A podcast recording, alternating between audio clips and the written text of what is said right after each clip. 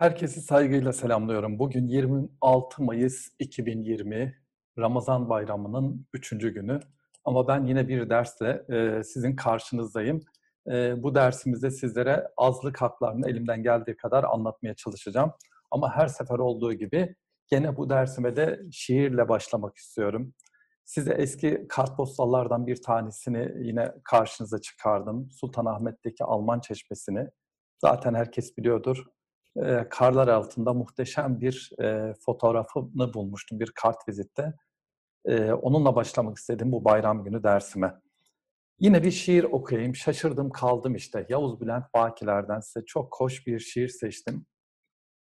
Sözde senden kaçıyorum dolu dizgin atlarla.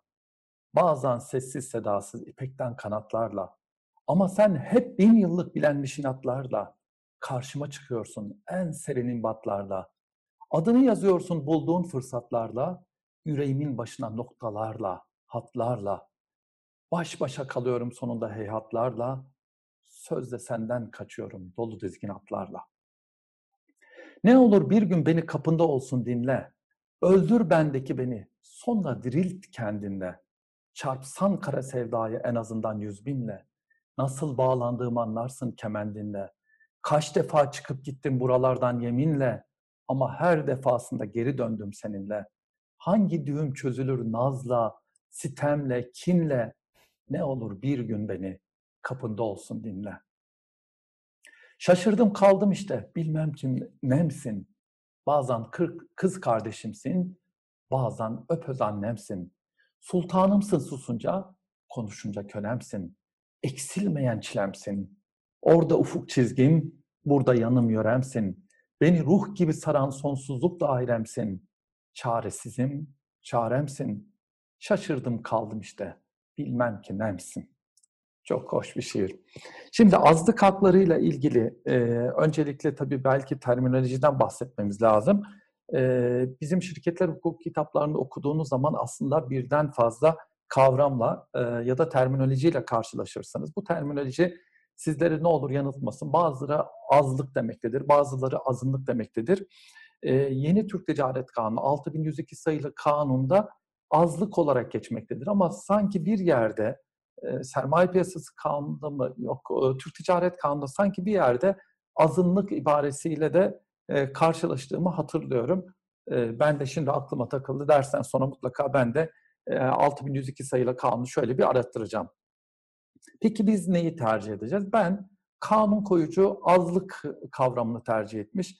Azınlık kavramı biraz daha etnisiteye dayanan, ondan sonra belirli bir işte uluslararası hukukta karşılığı olan bir kavram olduğu için Türk Ticaret Kanunu e, bu kavramı kullanmayı tercih etmemiş. İşin doğrusu ben de iki kavramı ayırt edebilmek için e, azlık e, kavramını tercih ediyorum. Azınlık da denilebilir. Bunun herhangi bir mahsuru yok. Bu konuyla ilgili her konuya girişte olduğu, olduğu gibi literatürü size tavsiye etmek istiyorum. Ee, Ayşe Sümer'in anonim ortaklıklarda azınlık haklarının korunması ve anonim ortaklığın haklı nedenli e, fesine ilişkin bir doktora tezine bakabilirsiniz. Yine Hasret Altındaş'ın 6102 sayılı Türk Ticaret Kanunu çerçevesinde anonim şirketlerde azınlık hakları yüksek lisans tezine bakabilirsiniz. Yine Halime Barut'un azınlık haklarıyla ilgili bir tezine bakabilirsiniz. Yine Burcu Manop'un anonim ortaklıklardaki azınlık haklarının Türk Ticaret Kanunu ile Türk Ticaret Kanunu tasarısının getirdiği yenilikler ışığındaki değerlendirmelerine bakabilirsiniz. Yine e, Erol Ulusoy'un e, seri, bir hem sempozyumlar serisi düzenledi hem de e, bunları kitap haline getirdi. Editörlüğünü yaptı. Anonim şirketlerde bireysel ve azınlık pay sahibi hakları isimli e, derleme kitabına bakabilirsiniz. Yine Mahmut Birsel Hoca'nın anonim şirketlerde azınlık hakları e, ile ilgili makalesine bakabilirsiniz. Bunlar aslında geniş e, ölçüde sizlere kaynak sağlayacaktır. Bu konuyla ilgili derin, derinleşmenizi sağlayacaktır. Ama bunun yanında da aslında literatürde çok sayıda burada sayamayacağım kadar e, makalenin de olduğunu belirtmem gerekiyor. Şimdi anonim ortaklıklardaki hakları ele alıyoruz. Hatırlayacak olursanız pay sahibinin haklarını ne yapmıştık? Bireysel haklar başlığı altında incelemiş ve ele almıştık. Bir de e, anonim ortaklıktaki haklara bir, eğer bir şema halinde, bir tablo halinde bakacak olursak aslında karşımıza çıkan hakları, çoğunluk hakları azlık hakları ve bireysel haklar olarak aslında üç kategoride ele almak mümkündür. Neden? Çoğunluk hakları çünkü hatırlayacak olursanız gerek 418. maddede gerekse 421. maddede esas sözleşmenin değişikliği ya da başka maddelerde bulunan bir takım kararları alabilmek için e, belirlenen çoğunluk olarak tanımlayabiliriz. Bireysel hakları ise tek pay sahibinin hakkı olarak tanımlayabiliriz. Ama buna karşın azlık hakları ise kanunda belirli bir orana ulaşmış pay sahipleri için düzenlenmiş olan haklar olarak karşımıza ne yapmaktadır? Çıkmaktadır. Bunların tanımlarını vereceğiz. Ama bir anonim ortaklıkta eğer e, bir haklar demeti olarak bir tasnif yapacak olursak çoğunluk, azlık ve bireysel haklar olarak ikiye ayırmak mümkün. Elbette ki bunları da kendi içinde ne yapabiliriz? Ayırabiliriz. Mesela hatırlayacak olursanız bireysel hakların altında e, intifa hakkı sahiplerinin haklarını da incelemiştik. İmtiyazlı pay sahiplerinin haklarını da incelemiştik. Yine e, grup imtiyazı olarak adlandırdığımız Türk Ticaret Kanunu'nun 360. maddesindeki hakları da hatırlayacak olursanız ne yapmıştık? İncelemiştik. Hatta rehin hakkı sahibinin hakkını bile ne yapmıştık?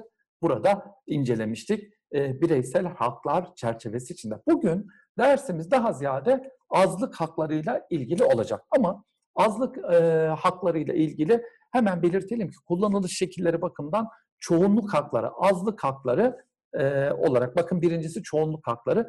Azlık hakları, azlık haklarının kullanımı zorlaştırılamaz ancak kolaylaştırılabilir. Ve onları da biz olumsuz azlık hakları ve olumlu azlık hakları olarak ikiye ayıracağız. Yine en sonunda da bireysel haklar yani pay sahibinin hakları olarak üç kategoride ne yapılabilmesi mümkündür? Ele alınabilmesi mümkündür. Şimdi kavram nedir? Şimdi bu kavrama azlık kavramına bir bakalım. Şimdi Türk Ticaret Kanunu'na göre azlık anonim ortaklık esas sermayesinin yüzde onuna sahip pay sahipleridir. Ama bu halka açık anonim ortaklıklarda e, 20'de birine sahip olan yani yüzde beşine tekabül eden pay sahipleri azlık hak azlık olarak ne yapılmıştır? Tanımlanmıştır. Demek ki azlık anonim e, ortaklık, halka kapalı anonim ortaklıklarda payların yüzde onuna sahip olanlar, halka açık anonim ortaklıklarda da yüzde beşine sahip olan kimseleri ifade etmektedir. Esas sözleşmeyle azlık oranlarını daha aşağıya düşürebilmek mümkündür. Ancak bu oranları artırmanın mümkün olmadığını biz ne yapıyoruz? Söylüyoruz. Neden? Çünkü zaten bunlar bir koruyucu haklar demetidir. Esas sözleşmeyle çoğunluğun tasarrufuyla bunlar üzerinde e, tasarruf etmek ve bunları bu hakların kullanılışını zorlaştırmak mümkün değildir. Peki oranlar acaba azaltılıp e, artırılabilir mi? Acaba bu konuda e, nasıl bir düzenleme vardır? Oranların hani azaltılıp azaltılamayacağı konusunda aslında e, kanun izin verdiği azlık haklarının oranlarının azaltılabileceğidir. Ama buna karşın diğerlerin azaltılamayacağı, hani azlık haklarının azaltılamayacağı görüşü doktrinde İmre Gün tarafından ne yapılmaktadır? Savunulmaktadır. Şimdi e, kanaatimde Türk Ticaret Kanunu'nda yani aslında ikiye ayrılan bir görüş var. Bazıları azlık oranları düşürülebilir. E, buna karşın e, e, bir diğer görüş ise azlık oranları hep oran olarak belirtildiği için ne düşürülebilir ne de çıkartılabilir şeklinde e, bir e, görüş belirtilmiş. Şimdi aslında Türk Ticaret Kanunu'ndaki sistematiğe bakacak olursak aslında buradaki kendi kanaatimi ishar etmek istiyorum. Şimdi buradaki Türk Ticaret Kanunu'ndaki düzenlemelere özellikle bakmak gerekir bu konuda. Bir kere e, mesela Türk Ticaret Kanunu 411. madde azlığı belirlemiş ve esas sözleşmeyle daha aşağı indirilebileceğinde 411. maddede net bir şekilde ne yapmıştır? Belirlemiştir. Şimdi 411. madde bir kere ne yapmaktadır? Aslında hükmü getirmektedir. Ee, buradaki tabii e, azlığın daha aşağı olarak e, mesela ne diyor? 411'i bir okuyayım. Sermayenin en az onda birini, halka açık şirketlerde 20'de birini oluşturan pay sahipleri yönetim kurulundan yazılı olarak gerektirici sebepleri ve gündemi belirterek genel kurulu toplantıya çağırmasını veya genel kurul zaten toplanacak ise karara bağlanmasını istedikleri konuları gündeme koymasını isteyebilirler diyordu. Esas sözleşmeyle çağrı hakkı daha az sayıda pay sahip, e, daha az sayıda paya sahip pay sahiplerine tanınabilir. Bakın 411. madde bir kere açık bir şekilde azlık olarak tanımlanan yüzde onluk payın e, sahip daha oranının daha aşağıya çekilebilmesi ne yapmıştır? İmkan vermiştir. Dolayısıyla aslında biz bunu azlık olarak geçen Türk Ticaret Kanunu'nda azlık olarak ifade edilen her hususta aynı mantığı 411'deki aynı mantığı yürütebiliriz. Neden? Bunun için gerekçelerim şunlar. Çünkü 411. maddenin baş kısmında yazan yani 411'in matlabı, madde matlabı, maddenin başlığı azlık ibaresi taşımaktadır. Demek ki buradaki azlık e, aşağıda içeride geçen yüzde onluk kısım, halka açık anonim ortaklıklardaki yüzde beşlik kısım azlık olarak tanımlanıyor kanun koyucu tarafından. Bu nedenle azlık olarak geçen her yerde 411'i kıyasen uygulayabiliriz. Dolayısıyla bunu indirilebileceğini söyleyebilir. Ancak bazı hükümlerde azlığa değil doğrudan doğruya bir orana atıf yapılmıştır. İşte ben bu gibi hallerde kural olarak esas sözleşmeyle dahi olsa bu oranın indirilemeyeceğini düşünüyorum. Mesela özel denetçi talebinde en az onda bir, halka açık anonim ortaklıklarda 20'de bir ve 1 milyon liralık paydan bahsedilmiştir. Bakın burada doğrudan doğruya azlıktan değil, doğrudan doğruya orandan bahsedilmektedir. Yine Türk Ticaret Kanunu meşhur maddesi 531 anonim ortaklığın haklı nedenle fesli konusunda yüzde onluk bir orana atıf yapılmıştır. Şimdi aslında buradaki düzenlemeleri ele aldığımız zaman bu düzenlemelerde genel itibariyle mesela 531'de yine özel denetçi atanmasında esas itibariyle şirketle azlık haklarının dengelenmesi de söz konusudur. Yani daha az bir yüzde ikilik, yüzde üçlük bir orana tanıyıp habire şirketin fesli davalarının açılması esas itibariyle şirketler hukukunun mantığıyla da bağdaşmayacaktır. Bu nedenle azlık olarak atıp yapılan yerlerde 411'deki mantaliteyi işletebiliriz. Esas sözleşmeyle bunlar aşağı çekilebilir. Ama doğrudan doğruya bir orana atıf yapılmışsa bunların indirilemeyeceğini savunmak kanaatimce daha uygun olacaktır. Peki bunlar artırılabilir mi? Hayır. Kanun koyucu açık bir şekilde belirli bir paya sahip olanların, bakın burada ayrım yapmaksızın söyleyebiliriz, belirli bir e, pay oranına sahip olan kimselerin menfaatini korumak istediği için bunların oranlarının esas sözleşmeyle artırılamayacağını e, söyleyebiliriz. Bir diğer tartışmaya daha değinmemiz lazım azlık konusunda. Acaba e, esas sözleşmeyle ortaklar yeni azlık hakları oluşturabilecek midir? Eski doktrinde, yeni Türk Ticaret Kanunu'nda buna ilişkin bir düzenleme yok ama eski doktrinde özellikle e, esas sözleşmeyle e, genel itibariyle savunulan görüş, esas sözleşmeyle yeni azlık haklarının e, oluşturulmasının önünde herhangi bir engelin olmadığı belirtiliyordu. Örneğin sözleşme serbestisi içinde belirli bir gruba haklı nedenle fesih davası açma hakkı tanıyabilme. Yani bu yeni dönemde karşımıza aslında ne olarak çıktı? 531. madde olarak çıktı. Belirsiz süreli ortaklıklarda bir nedene bağlı olmaksızın mahkemeye başvurarak fesih isteyebilme, ortaklık defterlerini ve hesaplarını doğrudan doğruya ve her zaman denetleyebilme, yönetim ve denetim kurullarına aday önerme gibi haklar tanınabileceği savunuyordu. Özellikle belirli bir gruba azlık, azlığa 360'da olduğu gibi eski dönem için bu söyleyelim. Ee, yine kendi gelen hoca 360'a benzer e, bir azlık gruba yönetimde ya da denetimde temsil edilme gibi bir imtiyazın eski dönemde tanınamayacağını savunuyordu. Bence de isabetli bir görüş. Hatırlayacak olursanız Türk Ticaret Kanunu 360. 60. maddedeki azlığa ilişkin hükümleri incelerken, bir grup imtiyazını e, incelerken burada e, bu nihayetinde eğer bir imtiyaz ise burada mutlaka paylara tanınmasının gerektiğini biz de belirtmiştik. Aynı düşünceden hareketle. Peki yeni dönemde acaba azlık hakları esas sözleşmeyle oluşturulabilir mi? Benim kanaatime göre de kural olarak esas sözleşmeyle azlık oluşturma, az yeni azlık hakları yani kanunda öngörülmeyen azlık haklarının oluşturulmasının önünde herhangi bir engel bulunmamaktadır. Ama burada dikkat yeni bir e, hükmümüz daha var. O da 340. madde. Yani oluşturacağımız azlık haklarının her seferinde 340. maddeyle denetime tabi tutulması gerektiğini söyleyerek bu görüşümü savunuyorum. Azlık haklarının kullanımına karşı biz e, iptal davası açılamayacağını söylüyoruz. Yani bir, bir azlık hakkı kuruldu. Acaba azlık hakkına ilişkin yani azlığın bu kararına karşı bir iptal davası açılabilir mi? Hayır, açılamaz diyoruz. Çünkü azlık şirketin genel kurulu ya da yönetim kurulu gibi bir organı değildir. Bu nedenle de bunlar bunlar açılamaz.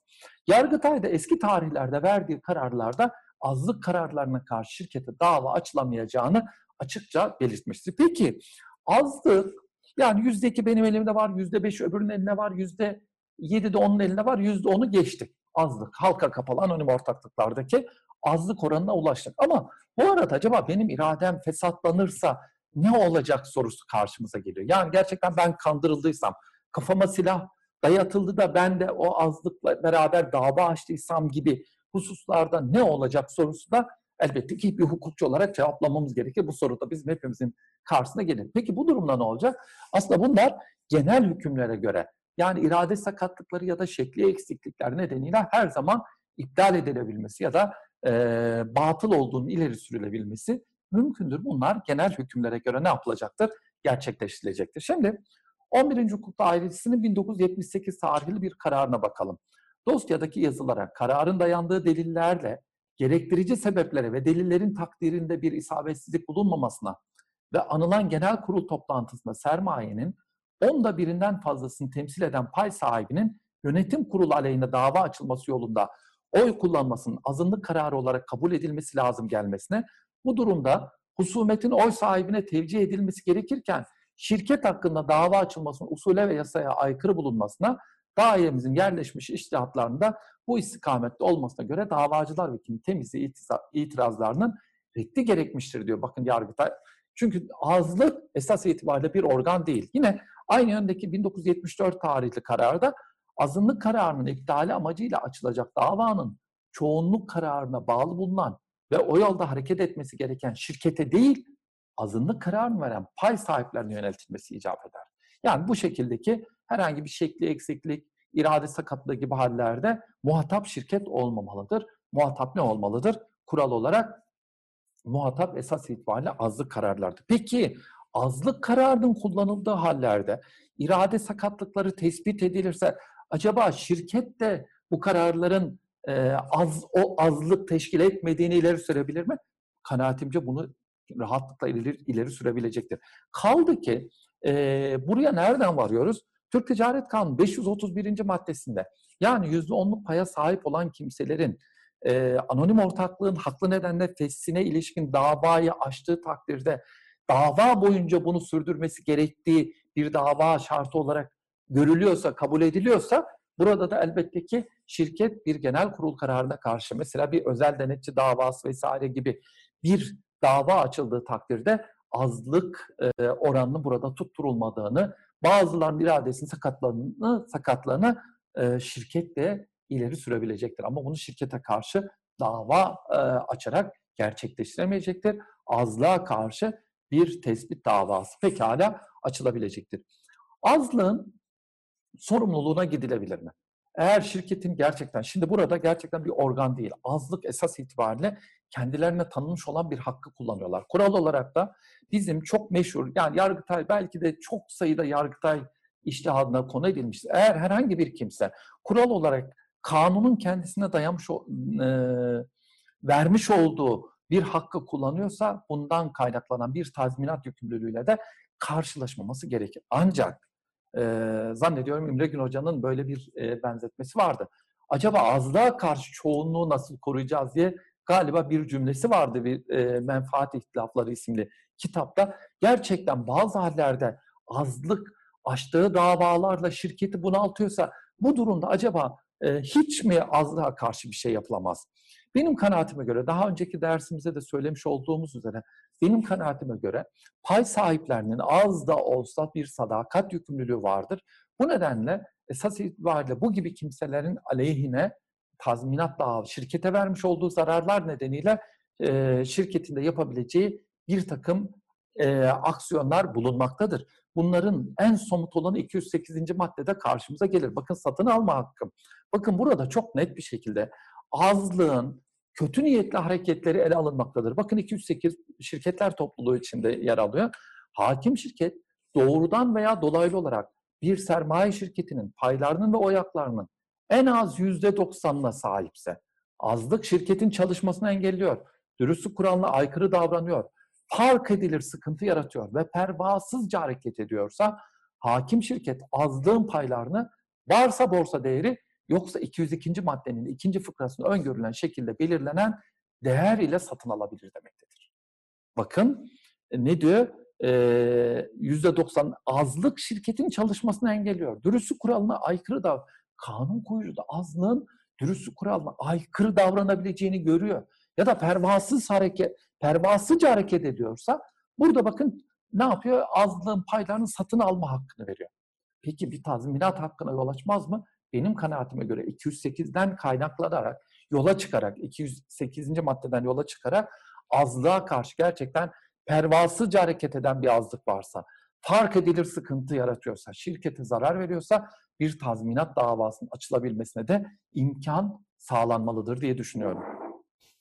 Şimdi azlık hakları bireysel haklardan farklıdır. Bir takım haklardan azlık haklarında hani yüz, halka kapalı anonim ortaklıklarda ne dedik? Yüzde onu. Halka açık anonim ortaklıklarda ne dedik? Yüzde beşi dedik.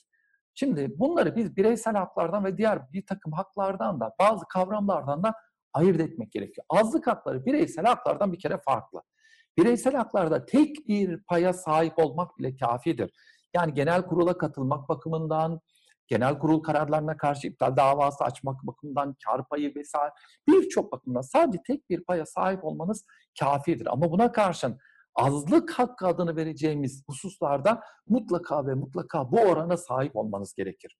Şimdi bir de müktesep haktan bahsedilir. Hani müktesep hak sahibinin rızasıyla bile vazgeçemeyeceği haklar vesaire gibi e, bir takım tanımlar yer alır ama belirsiz bir kavram olduğu, olduğunun ağzı da doktrinde ne yapılır? Çizilir. Şimdi mü, mü, mutlak müktesep hak ve nisbi müktesep hak olarak ikiye ayrılır. Nisbi müktesep hakların güçsüz olabildiği, oysa mutlak müktesep hakların, anonim ortaklığın organlarının kararları karşısında mutlak bir güce sahip olduğu belirtilmektedir. Hatta e, mutlak müktesep haklar pay sahibinin rızası dışında asla kaldırılamaz. Mesela genel kurula katılma, oy kullanma vesaire gibi. Bunlar mutlak müktesep haklardır. Azınlık hakları ile müktesep hakların aralarındaki en büyük fark, en önemli fark, müktesep haklarda sahibinin rızası ile değişiklik yapılabildiği halde azlık haklarında hak sahibinin rızasıyla bile olsa değişiklik yapılamamasıdır. Azlık hakları kanun emredici hükümleriyle korunmaktadır tarafların rızası ile de olsa bunların üzerinde değişiklik yapılamaz. Emredici kanun hükümleriyle ortaklara tanınan azlık hakları hak sahibinin rızası ile dahi esas sözleşme değişikliği veya organlardan birinin kararı ile ortadan kaldırılamaz. Bunlar arasında önemli bir fark var. Şimdi azlık haklarını biz ikiye ayırarak inceliyoruz. Olumlu azlık hakları, olumsuz azlık hakları. Bu tabi doktrinde az sonra inceleyeceğim hakların bir kısmı olumlu da bir kısmı da olumsuz da e, konulara inceleniyor ama ben olumlu ve olumsuz azlık hakları olarak bir tasnif yaptım. Bunları da sizlerle paylaşmak istiyorum. Şimdi acaba bunlar arasındaki fark ne? Şimdi olumsuz azlık hakları dediğim zaman azlığın olumsuz yönde oy kullanarak karar oluşmasına engel olduğu hallerdir. Yani ben azlığım ama elimde yüzde on var ama ben eğer aksine oy kullanıyorsam burada artık karar oluşmamaktadır. Olumsuz azlık e, hakları ile genel kurulda bir karar tasarısı için kanun aradığı çoğunluk oyu sağlanmasına rağmen bakın çoğunluk var ama ama bakın azlık olumsuz oy kullandığı için karar alınamamaktadır. Ee, olumlu azlık haklarına gelince azlığın kanunen kendisine verilen haklarını somut bir talepte bulunarak kullanabileceği haller olumlu azlık haklarıdır pay sahipleri olumsuz azınlık haklarında olduğu gibi sadece aleyhte oy kullanmaları yetmiyor. Belirli bir koordinasyon ve davranış ile de haklarını gerçekleştirmeleri ne yapıyor? Gerekiyor. Ben şurada şöyle bir tablo yaptım. Sonra kısaca bunları sizlere anlatmaya çalışacağım. Olumlu azlık hakları yönetim kurulunda temsil edilme hakkı. 360. maddede ana sözleşmede öngörülmüşse biliyorsunuz bunu anlatmıştım uzun uzadıya. Demin de kısaca değindik tekrar özel denetçi atanmasını sağlama 439. madde. Bunu da özel denetçi meselesini hatırlayacak olursanız ne yapıyordu? Bireysel bir hak olarak başlayıp e, genel kurulun reddi halinde azlık hakkına dönüşüyordu. Genel kurul toplantıya davet ve gündeme madde ekletme genel kurul e, meselesini anlatmıştım. Bağımsız denetçinin görevden alınmasını talep etme hakkı 399. maddenin dördüncü fıkrasını hatırlayacak olursanız bu husus düzenlenmişti. Şirketin haklı nedenle fesini isteme 531. maddede Pay senedi basılmasını isteme hakkı 486. maddede, bilanço görüşmelerinde erteleme hakkı 420. maddede e, var. Burada hem burada hem de burada ama olumsuz azlık haklarının içinde de sayacağız bunu. Sulh ve ibraya engel ol, olunabilme imkanı var. Ağırlaştırılmış hesaplarla olumsuz o ile engel olma 418 ve 421. maddede orada biliyorsunuz gerçekten bazı hususlarda oy birliği ya da e, ağırlaştırılmış hesaplarda elinde bulunan azlığı, çoğunluk karşısındaki her pay sahibi azlık olarak adlandırılıyor. O güce dayanarak bu kararlara engel olabiliyor. Finansal tabloların görüşülmesini engelleme hakkı olarak karşımıza ne yapıyor? Çıkmaktadır. Şimdi 360. maddeye ilişkin açıklamalarımızı imtiyazlı paylar kısmında genişçe anlatmıştık. Üzerine durmayacağım. Özel denetçi atanmasını talep edebilirlerdi. 439. madde hatırlayacak olursanız hatta genel kurulda bireysel pay sahibinin hakkı olarak başlıyordu ama genel kurulun reddi halinde bu bir azlık hakkına dönüşüyordu. Bunu da hatırlayacak olursanız anlatmıştık. Yine 411. maddede azlık pay sahiplerinin genel kurulu toplantıya çağırma ve toplantı talepleri reddedilirse ya da 7 iş gün içinde olumlu cevap vermez iseler mahkemeye müracaat edebileceklerinde daha önce hatırlayacak olursanız ne yapmıştık? Anlatmıştık. Şimdi Yargıtay kararlarında anlatacağım bu konuda. Finansal tabloların ve bunlara bağlı konuların da ertelenmesi talep imkanları var. 420. madde ama benim kanaatime göre bu bir talep hakkı, bir talep mahiyeti itibariyle bu esas itibariyle olumsuz, olumlu e, azlık haklarının arasında şirketin haklı nedenle fesli talep hakkında daha ayrıntılı olarak ileride ele alacağız. Şimdi belki üzerinde durmadığımız pay senedi bastırılmasına ilişkin e, hükümlere şöyle bir bakalım. En azından aklımızda kalsın. Şimdi bir anonim ortaklığın kural olarak pay senedini çıkarma zorunluluğu ne yapmaz? Bulunmaz. Kural olarak zaten nama ya da hamile yazılı payların e, olduğunu söylemiştik ama payın senede bağlanması konusunda doğrudan doğruya bir emir yok. Mesela benim danışmanlık yaptığım birçok şirkette çoğunda pay senedi yok bile. Yani böyle duruyorlar, öyle gidiyorlar. Kimse de talep etmeyince ne yapıyor? Öyle devam ediyor. İşte bakın 486'da hükmü burada işlem e, görüyor. Şirketin ve sermaye artırımının tescilinden önce çıkarılan paylar geçersizdir. Ancak iştirak taahhüdünden doğan yükümlülükler geçerliklerini korur.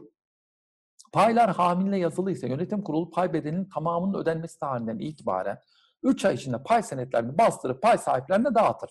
Bakın hamile yazılı paylarda ne diyor? Sen bunu kardeşim bastır, dağıt diyor buna bakın. Burada bir problem yok. Yönetim kurulunun hamile yazılı pay senetleri bastırılmasına ilişkin kararı tescille ilan edilir. Ayrıca şirketin internet sitesine konulur. Pay senedi bastırılıncaya kadar ilmu haber çıkarılabilir. İlmu haberlere kıyas yoluyla nama yazılı pay senetlerine ilişkin hükümler uygulanır. İşte şurada azlık hakkı geliyor. Azlık istemde bulunursa nama yazılı pay senedi bastırılıp tüm nama yazılı pay senedi sahiplerine dağıtılır. Yani sadece azlığa değil bütün paylar artık ne yapılacaktır? Senede bağlanacak ve bastırılacaktır. Tescilden önce e, pay senedi çıkaran kimse bundan doğan zararlardan sorumludur demektedir. 399'a dördüncü maddeye de bakalım. Bu neyle ilgiliydi? Bağımsız denetçiyle ilgiliydi.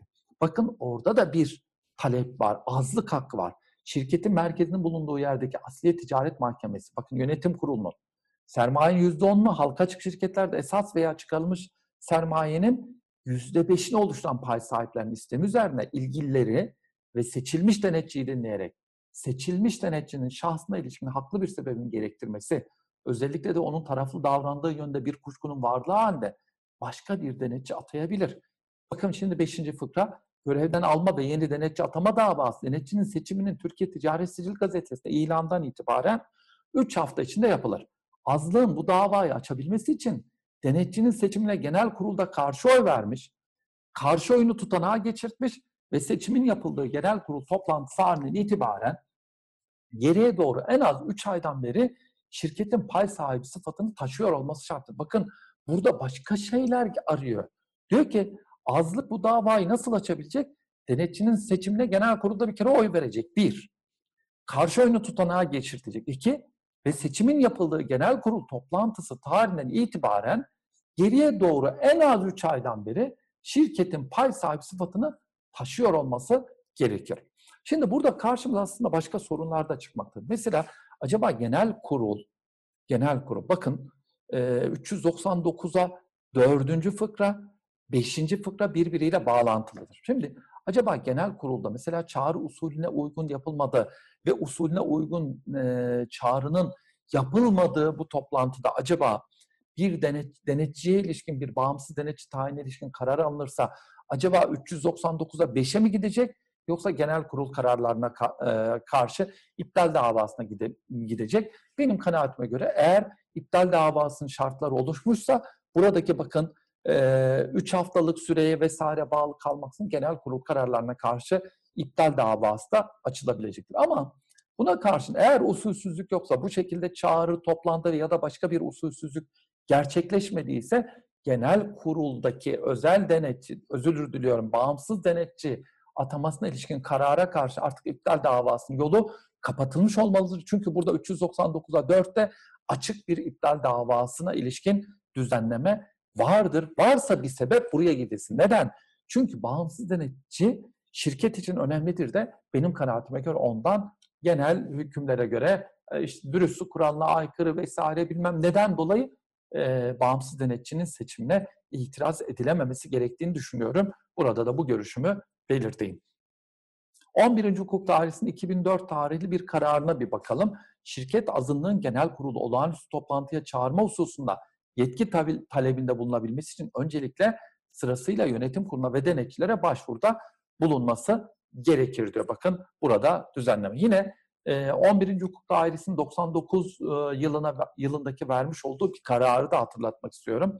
Davacılar, davalı şirketin olağanüstü genel kurulunun toplanmasına, azlığın böyle bir hakkı da vardı ya, TTK 366 ve 367. maddeleri uyarınca talep etmiş iseler de bu istemlerinde genel kurul gündem maddelerini açıklamamışlardır.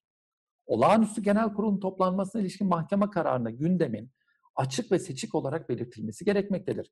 Mahkemece 411, 412 biliyorsunuz yeni dönemdeki e, bizim azlığa ilişkin hatır, azlık ne yapabiliyordu? Önce yönetim kuruluna e, müracaat ediyordu ki genel kurul toplan şu gündemle bu 300, eski 366, 367.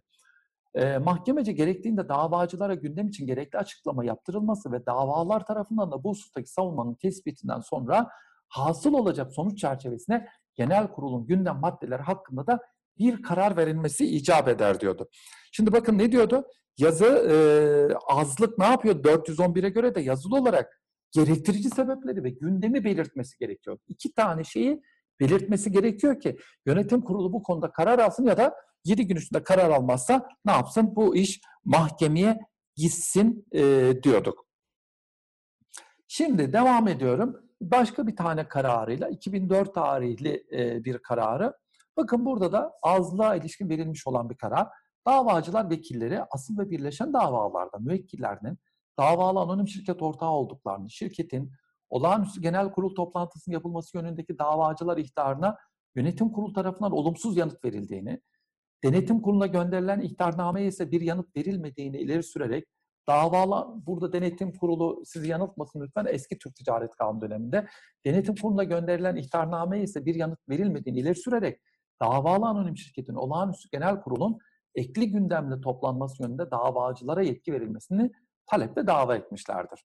Davalı vekil davacıların TTK'nın 366. maddesine öngörülen usule riayet etmeden ve son derece aceleci yaklaşımı hareket ettiklerini, çağrı için onun koşulların oluşmadığını, olağanüstü toplantı yapılması gerektirir bir durum olmadığını, sonucu belli olan olağanüstü genel kurul toplantısı yapılmasının şirkete sadece ek maliyet getireceğini, gerçekleşmesi imkansız olan gündem maddelerine istinaden toplantı istenemeyeceğini savunarak davaların reddini istemiştir.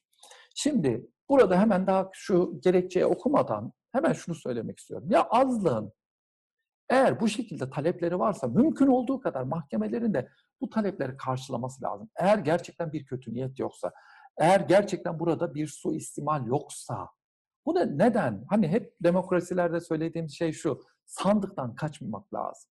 Dolayısıyla biz bunu mümkün olduğu kadar eğer varsa bir sorun ve genel kurullarda çözülebiliyorsa genel kurulda çözülüp çözülmeyeceğine bakmamız lazım. Mahkemece iddia, savunma ve dosya kapsamına göre davacıların şirket sermayesinin en az onda biri değerinde paya sahip oldukları, davacı tarafın 1.9.2004 günlü ihtarname ile Çam Sanayi Anonim Şirketi Yönetim Kurulu'ndan olağanüstü genel kurul kararı alınmasını ve yönetim ve denetim kurullarının birikim ve o esaslarına göre belirlenmesini talep ettikleri, yönetim kurulu tarafından bu talebin reddedildiği, bunun üzerine davacılar tarafından 13.9.2004 tarihli ihtar ile olağanüstü genel kurul kararı alınması talep ettikleri denetim kurulunun da bu konuda cevap vermediği, dava açmak için ön koşulların yerine getirildiği gerekçesiyle TTK'nın 367-356. maddeleri gereğince Çam Sanayi, Sanayi Anonim Şirketi'nin olağanüstü genel kurulunun hükümde yazılı gündemle toplanması hususunda davacılara yetki verilmesine karar verilmiştir. Karar davalı vekili temiz edilmiştir. Dava dosyası içerisindeki bilgi ve belgelere mahkeme kararının gerekçesine dayanılan delillerin tartışılıp değerlendirilmesine usul ve yasaya aykırı bir yön bulunmamasına göre davalı vekilinin tüm temiz itirazları yerinde değildir denilmektedir bakın. Şimdi az, bu az önce söylediğim görüşe uygun bir karar olarak ne yaptık? Karşımıza çıkıyor. Neden? Ya az önce söylediğim gibi yani bu sandıktan kaçmamak lazım. Genel kuruldan kaçmamak lazım. Yargıtay 11. Hukuk Dairesi'nin 2002 tarihli bir kararına da bakalım. Dava, davalı anonim şirkette özel denetçi tayinine ilişkindir. TTK'nın 348. maddesi hükmüne göre genel kurulun toplantı vaktinden itibaren en az 6 ay önceden beri pay sahibi olan kişiler son 2 yıl içinde ortaklığın kuruluşuna veya idare muamelelerine ilişkin bir suistimalin olduğunu veya yasa yahut ana sözleşme hükümlerine önemli bir surette aykırı hareket edildiğini iddia ettikleri takdirde bunları veya bilançonun gerçekliğini tahkik için özel denetçi veya denetçiler tayini gerekli giderleri ödemek, dava sonucuna kadar merhum kalmak üzere pay sahip oldukları pay senetlerini herhangi bir bankaya tevdi etmek koşuluyla mahkemeden talep edebilir. Eski Türk Ticaret Kanunu döneminde. Buna göre TTK 348'e ikinci madde hükümleri uyarınca azınlık pay sahipleri tarafından özel denetçi tayinine ilişkin nedenlerin varlığının kesin biçimde kanıtlanması şart değildir. Kanun koyucu özel denetçi tayinle ilişkin olarak öne sürülen vakaları az çok doğrulayan delil ve emareleri yeterli saymıştır. Şimdi bakın bu konuda da mahkemelerin tereddüt e, duyduklarını görebiliyoruz. Ya biz burada e, azlığı koruyacaksak bağımsız denetçi de atanması için eğer gerçekten diğer şartlar varsa az ya da çok, az çok emareleri ortaya koymuşsa azlık. Burada bir takım suistimaller oluyor. Bu durumda bu talebi olumlu karşılamak gerekiyor. Neden? Çünkü azlığın elinde başka bir şey yok. Zaten kesin bir şekilde zaten suistimali ispat edebilme şartları, imkanları zaten ellerinde yok bu kimselerin. Söz konusu madde metinde yer alan hususların olayda var olup olmadığı e, yönü özel denetçilerin yapacağı inceleme ve araştırma sonucu ortaya çıkacaktır. Ayrıca özel denetçi tayinde dayanak yapılacak olan vakalar yönden kesin hükümden de söz edilemeyeceğine göre bu yönde özel denetçilerin çalışma alanlarına giren ve bunun sonucuyla ilgili bulunan bilançonun gerçeklik derecesinin araştırılması sistemlerinde atama konusunda daha da ılımlı davranılması zorunluluğu vardır. Bakın atama konusunda daha ılımlı. Neden? Azlık Ya zaten suistimal olup olmadığı bu adamlar kesin olarak ortaya koysalar özel denetçi ihtiyaç yok. Ama bir takım şüpheleri var. Bu şüpheler de mahkeme tarafından haklı görülebiliyorsa mahkemenin ne yapması lazım? Bu özel denetçi talebini karşılaması lazım. O halde mahkemece davacının dava dilekçesinde belirttiği hususlar özel denetçi tayin için yeterli nedenler olarak kabul edilip 348 ikinci maddesi uyarınca 27.4.2000 tarihinden geriye doğru 2 yıllık hesapların incelenmesi için talebin kabulüne karar verilmesi gerekirken yazılı gerekçeyle davanın reddine karar verilmesi doğru görülmemiştir. Bu nedenle de karar ne yapmıştır? Bozulmuştur. Bu arada tabi bu karar yeni dönemde bazı yönleriyle emsal olacak ama mesela iki yıl geçmişe yönelik bütün bu şunları şunları her şeyi incele şeklindeki e, bir talep doğru değil. Çünkü biliyorsunuz bizim 6102 sayılı kanun özel denetçiye incetile, inceletilebilecek hususların somutlaştırılmasını emretmektedir. Yine 2002 tarihli bir karara bakalım. Anonim şirkete özel denetçi tayinine ilişkin olarak açılan davada özel denetçi tayinine ilişkin nedenlerin varlığının kesin biçimde kanıtlanmasının şart olmadığını, kanun koyucuların özel denetçi ilişkin olarak öne sürülen vakalar az çok doğrulayan delil ve emareleri yeterli saydığını. Bakın az önceki kararı tekrar vurguluyor. Şimdi olumsuz azınlık hakları ibraya engel olma. Bakın burada sadece 559. maddede sadece azlık olumsuz yönde oy kullanırsa ne yapmaktadır? İbraya engel olabilmektedir. E, incelemediği hükümler olduğu için bunları biraz daha geniş inceliyorum. Kurucuların, yönetim kurulu üyelerinin, denetçilerin, şirketin kuruluşundan ve sermaye artırımından doğan sorumlulukları şirketin tescili tarihinden itibaren 4 yıl geçmedikçe sulh ve ibra yoluyla kaldırılamaz. Bakın bunlar ne? Kurucular, yönetim kurulu üyeleri, denetçiler. Şirketin kuruluşundan ve sermaye artırımından doğan sorumluluklar. Bakın iki hale münhasır. E, 4 yıl geçmedikçe sulh ve ibra yoluyla kaldırılamaz. Bu sürenin geçmesinden sonra da sulh ve ibra ancak genel kurulun onayıyla geçerli kazanır. Bununla beraber, bakın bununla 4 yılda şey yapamıyorsunuz. Bununla beraber esas sermayenin onda birini, halka açık şirketlerde 20'de birini temsil eden pay sahipleri sulh ve ibra'nın onaylanmasına karşı iseler sulh ve ibra genel kurulca onaylanamaz. Onaylanmaz, bakın onaylanamaz. Dolayısıyla bakın burada özel bir hüküm var. Bu sadece kuruluş ve e, esas sermaye artırımından doğan sorumluluklar bakımından geçerlidir. Diğerleri bakımından geçerli değildir. Diğer genel kurullarda böyle bir hükmümüz yok. Sadece burada ne diyor? Dört yıl boyunca asla bunları sulh ve ibra oylamasını koyamazsınız. Dört yıl sonra da ne yaparsanız ancak e, genel kurulda e, sulh ibraları e, yapabilirsiniz. Ama halka kapalı anonim ortaklıklarda yüzde on, halka kapalı açık anonim ortaklıklarda yüzde beşi buna muhalif iseler bu sulh ve ibrada yapılamaz denmektedir. Finansal tabloların ertelenmesi konusunda da ne yapmaktadır? Ee, yine yüzde onluk pay sahipleri eğer açık bir şekilde biz erteleme talep ediyoruz derlerse yine bunlar da ne yapabileceklerdir? Bunu toplantıyı erteleme hakkına sahiptir. Şimdi 2002 tarihli bir karara bakalım bu erteleme konusu. Bu konuyla ilgili 420. maddeyle ilgili daha önce de hatırlayacak olursanız söylemiştim. Benim de e, asistanımızla yazmış olduğumuz bir makalemiz var. Ona da bakabilirsiniz. Ama burada sadece bu karara değinip e, geçeceğiz. E, 11. Hukuk Dairesi'nin 2002 tarihli 2002 tarihli kararında şöyle diyor. Dava genel kurulda alınan bir kısım kararların iptali istemine ilişkindir. Davalı şirketin toplanan olağan genel kurulunda davacı ortağın azlık hakkına dayalı istemi doğrultusunda bilançonun onaylanmasına ve buna bağlı olan gündem maddelerinin müzakeresi ertelenmiş, geçen süre içerisinde davacı açıklama istemiş, ihtarnamesine davalı şirket tarafından gönderilen cevabı ihtarnamede bilanço kalemleri hakkında açıklamalar yapılmış ve davacının erteleme genel kurulunda ikinci kez erteleme istemi üzerine aynı konuda davalı tarafça cevap ve açıklamalar yapıldıktan sonra gerçekleşen oylamada ikinci kez irteleme, erteleme istemi reddedilerek bilanço onaylanmıştır. Şimdi 420. maddenin ikinci fıkrasında bu hala benzer hüküm var. Şimdi TTK'nın 377. maddesi hükmü uyarınca bilançonun onaylanması hakkındaki müzakere çoğunluğun veya şirket sermayesinin onda birine sahip olan azlığını istemi üzerine bir ay sonraya bırakılır. Bu ertelemeden sonra müzakerenin ikinci kez bakın e, e, ertelenmesini isteyebilmek için bilançonun itiraza uğrayan noktalar hakkında gereken açıklamanın yapılmamış olması zorunludur. Ya biz sorduk hiç yapmadılar. Bu. Eğer açıklama yapılmışsa bu açıklamanın erteleme isteyenin nezdinde yeterli ve tatminkar olmasına bakılmaz. Öğretideki baskın görüşte dairemizin benimsediği bu yoruma uygundur demektedir. Yani bir şirket bir, bir takım şeyleri açıklamış, e, cevap vermiş ama diyor ki ben yeniden diyor, ertelenmesini. Çünkü diyor yeterli açıklamaları vermedi. Bu durumda erteleme olur mu? Hayır olmaz. Olmaması da gerekir. Aksi takdirde ya bu şekilde soru soran azlığın sorularını hiçbir şekilde hiçbir şirket cevap veremez. Yani kötü niyetli azlığa karşı da şirketi muhafaza etmek gerekiyor bu durumda.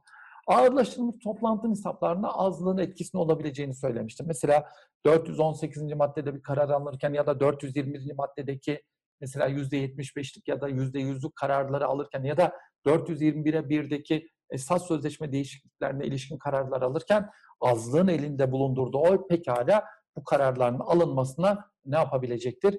E, engel teşkil edebilecektir. Evet, bugünlük azlık haklarıyla ilgili açıklamalarımı bitirdim.